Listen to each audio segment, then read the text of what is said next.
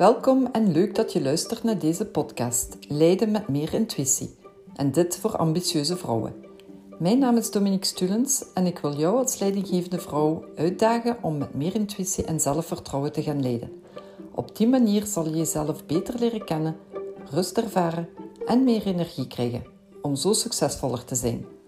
Omdat ik weet dat je hiervoor moed en lef nodig hebt, hoor je hier wekelijkse inspiratie en tips die je zal helpen je doelen na te streven. Met respect voor je eigen waarde.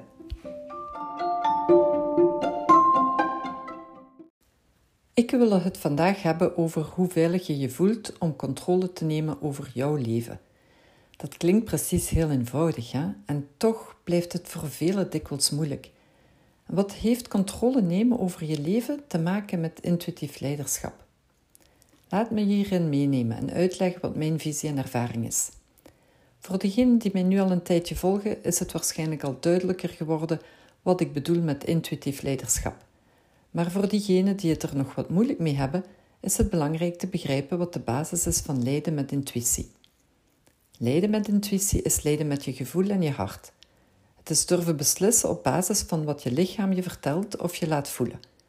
Dit is nodig om op een authentieke en menselijke manier je te kunnen openstellen naar je medewerkers toe. Want door te voelen wat er rond je gebeurt, zal je ook makkelijker openstaan voor situaties waarin je medewerkers zich bevinden en waar ze je hulp als leidinggevende nodig kunnen hebben, zonder het gevoel te krijgen dat ze op hun vingers getikt worden of beoordeeld worden. En intuïtief leiden geldt ook voor jezelf, dat je dat ook voor jezelf kan voelen. Hoe ben je zelf als je niet begrepen bent? Of dat je steeds kritiek krijgt? Het zal je zeker niet helpen om met een goed gevoel de dag door te brengen. En hoogstwaarschijnlijk zal je ook minder gemotiveerd zijn om dingen voor je leidinggevende te gaan doen. Neem af en toe tijd om te beseffen hoe jouw reactie inspeelt op de andere. Hoe zou het geweest zijn als je het op een andere manier had aangepakt?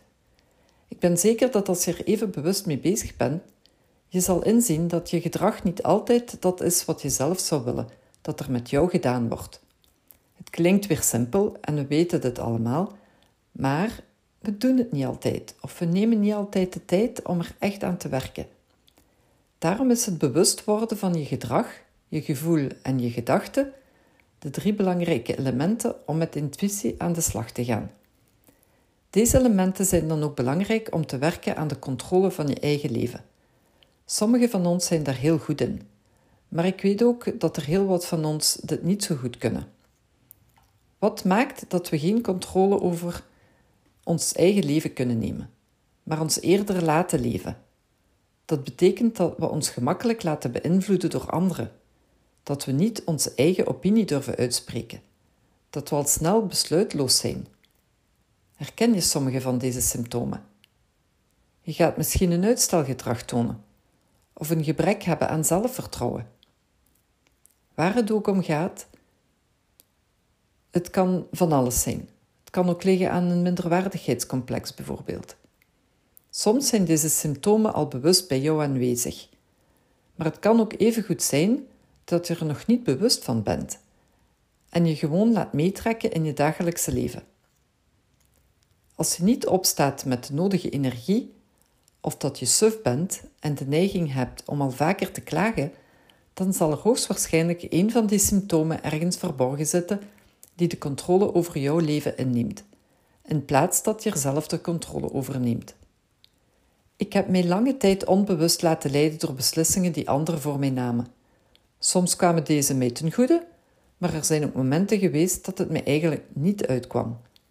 Mits ik niet de tijd nam om de rust te vinden in mijn hoofd en dan zo gemakkelijker aan te voelen wat mijn hart mij zei, ging ik gemakkelijk in op wat anderen voor mij beslist hadden.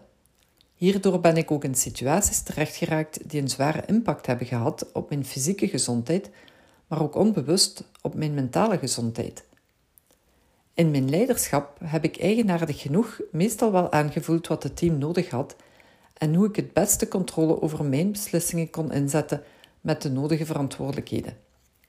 Maar ik heb wel de neiging gehad dit niet voldoende voor mezelf te doen en te begrijpen wat ik voornamelijk nodig had. Hiervoor ben ik dan ook in een burn-out terechtgeraakt. Controle nemen over je leven is beslissen wat goed is voor jezelf en hoe jij je beste leven wilt leiden.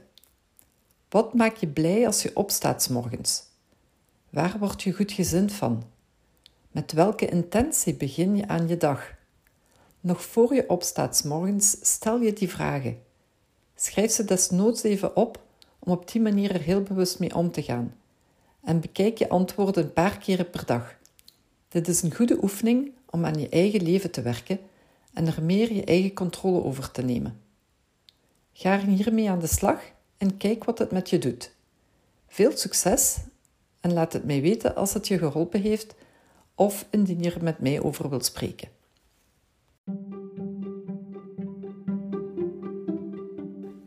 Super dat je luisterde naar mijn podcast Leiden met meer intuïtie.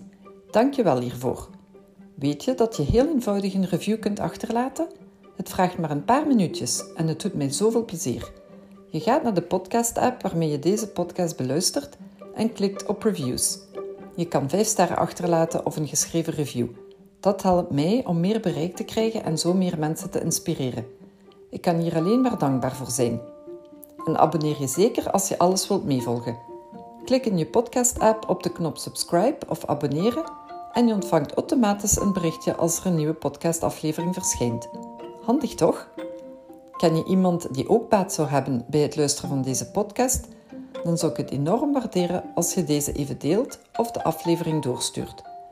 Als je via Spotify luistert, kan dat heel simpel door naar de drie puntjes te gaan in de app en dan te klikken op delen of gewoon de link te kopiëren en delen. Ik vind het altijd heel leuk om berichtjes te ontvangen en om te horen wat je van de podcast vindt, of misschien dat je vragen of suggesties hebt. En als de aflevering iets in beweging heeft gebracht bij jou, dan hoor ik het ook graag. Stuur mij zeker een berichtje naar dominique.yournextme.com als je me even persoonlijk wil spreken of stuur me een connectieverzoek op LinkedIn. Je kan mij ook volgen op Instagram of Facebook onder Your Next Me. Jouw berichtjes kunnen altijd zorgen voor meer inspiratie. Nogmaals bedankt voor het luisteren en heel graag tot de volgende keer.